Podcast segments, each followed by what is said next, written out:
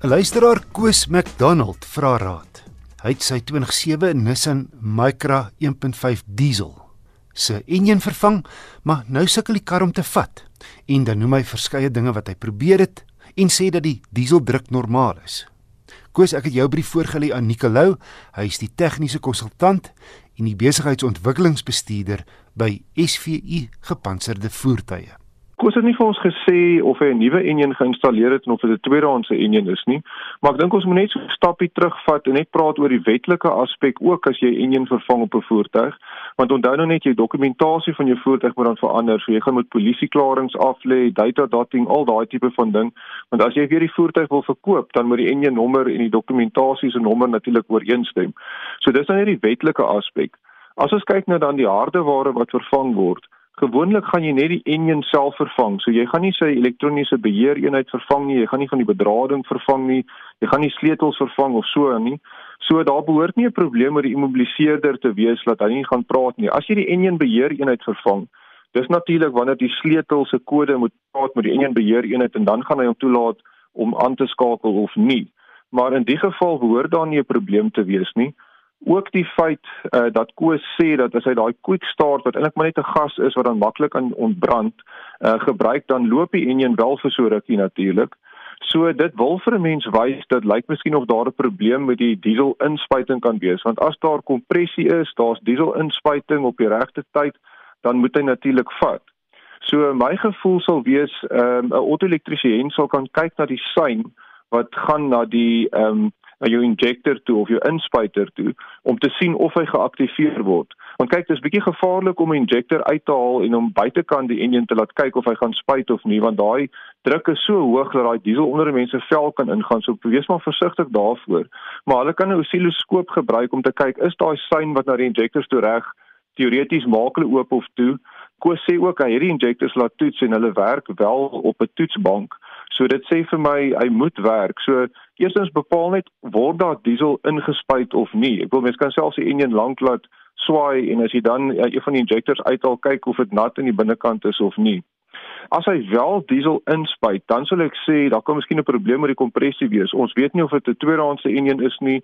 So kyk na die kompressie want natuurlik as die kompressie laag is, dan gaan hy ook nie wil aansit nie. En laastens as hy kompressie het, en hy diesel dan is dit iets met die tydreëling te doen van wanneer hy inspuit maar dis 'n bietjie meer ingewikkeld om na te vols. Ehm um, net iets wat interessant ook is, elke injector is uniek. Dis so 'n spesifieke stuk toerusting dat elke injector het 'n kode en daai kode sê hoe hy bietjie verskil van die ander injectors. So iets wat 'n mens eintlik ook moet doen is op die enjin beheer eenheid is daar sagte ware waar die kodes ingevoer moet word dat hy presies weet hoe elke injector uh, vervaardig is en hoe elkeen so bietjie verskil van die ander een. Maar nog steeds selfs al het jy die ou kodes van die ou injectors op die nuus, dit sal nog steeds nie keer dat hy vat nie. Uh dit is maar net om te maak dat hy dan uiters akkuraat gaan meet. Maar ja, dit sal my stappe wees vir Koos. So antwoord Nicolou, 'n tegniese konsultant en die besigheidsontwikkelingsbestuurder by SVU Gepantserde Voertuie. Indien jy 'n motornavraag het, e-pos gerus na wissel@rsg.co.za. Die Amaze sedan is Honda se goedkoopste reeks. Die Trend model verkoop vir onder 200 000. Ek het die effens luxer en duurder Comfort model gery wat vir jou alloy wiele en misligte gee. Binne het hy meer spasie as wat mense sou dink van 'n sedan wat net 4 meter lank is. Hierdie Lexus Comfort model gee al die basiese luksus soos elektriese vensters voor en agter met die bestuurders in een van daai een aanraak tipe. Die stuurwiel en die bestuurder se sitplek is hoogteverstelbaar. Hy het klimaatbeheer, 'n klankstelsel met MP3 en Bluetooth verbinding en ehm uh, hierso kontroles op die stuur daarvoor. Die spieëls is ook elektries verstelbaar vou elektries in. En hier's ook selfoon en USB punte. Verder kan die hoofligte op en afstel. En dan is hier ook 'n ritrekenaar wat vir jou dinge soos jou gemiddelde petrolverbruik en jou ryafstand aandui. Veiligheidskenmerke word beperk tot ABS rieme en twee ligsakke voor. Die sitplekke is heel gerieflik, maar kom in 'n lig beige kleur wat gou gaan vuil smeer. En dieselfde geld vir die meeste van die materiale in die deure wat dieselfde beige kleur is.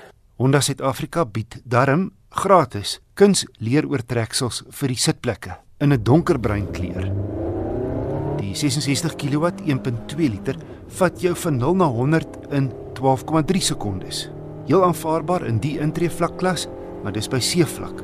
Hier op die hoofveld moes ek teen opdraandes die 5-spoed Kiri roei om 'n konstante spoed te handhaaf. My snelweg en stadroete het uitstekende 5,6 liter per 100 km gelewer. Toevallig presies die verbruiksyfer wat Honda amptelik aandui. Hoewel die ritgehalte gerieflik is en padgedrag goed, het die Indies vervaardigde Amaze teen 120, dis so 3500 toere in 5de, 'n goeie dosis windgeraas getoon, hoewel dit 'n windstil dag was. Moes steeds by die regter venster is hier een of ander wind gedruis. Ek dink dit is meer as die spoed.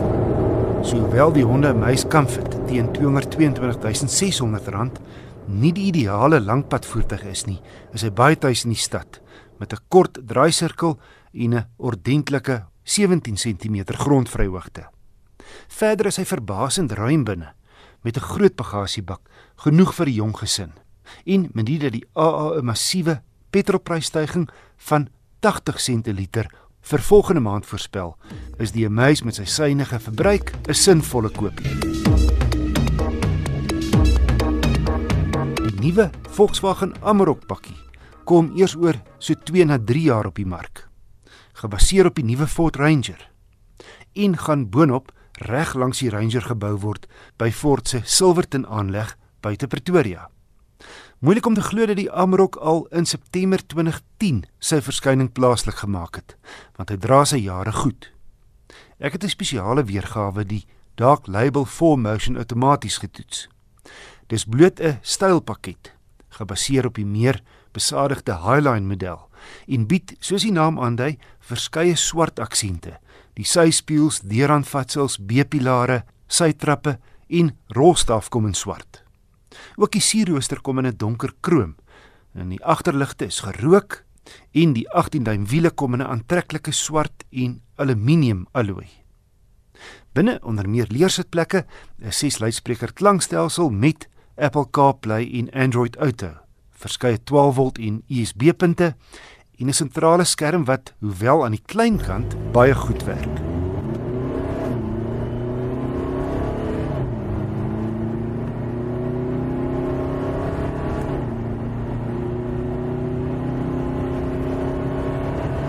Die beproefde 2 liter diesel met twee turbos skop 132 kW en 420 Nm uit en trek heel entoesiasties.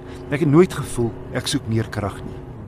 Boonop kos die 3 liter V6 heelwat meer. Wat opgeval het in die Amarok is die lae raasvlakke en gerieflike rit. So goed as wat jy kry op 'n diesel dubbelkajuit bakkie. Hy het permanente vierwielaandrywing asook elektroniese op- en afdraande beheer.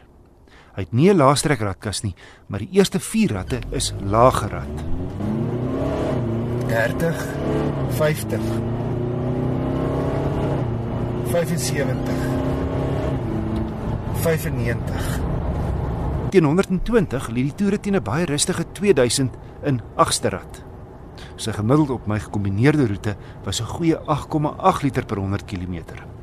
My gevolgtrekking, hierdie Volkswagen is steeds na al die jare 'n hoë kwaliteit produk wat meer soos 'n sportnuts as 'n bakkie bestuur en die Dark Label afwerking laat hom uitstaan bo die ander Amaroks. Prysgewys val die Dark Label teen R765 000 tussen die Highline en Highline Plus.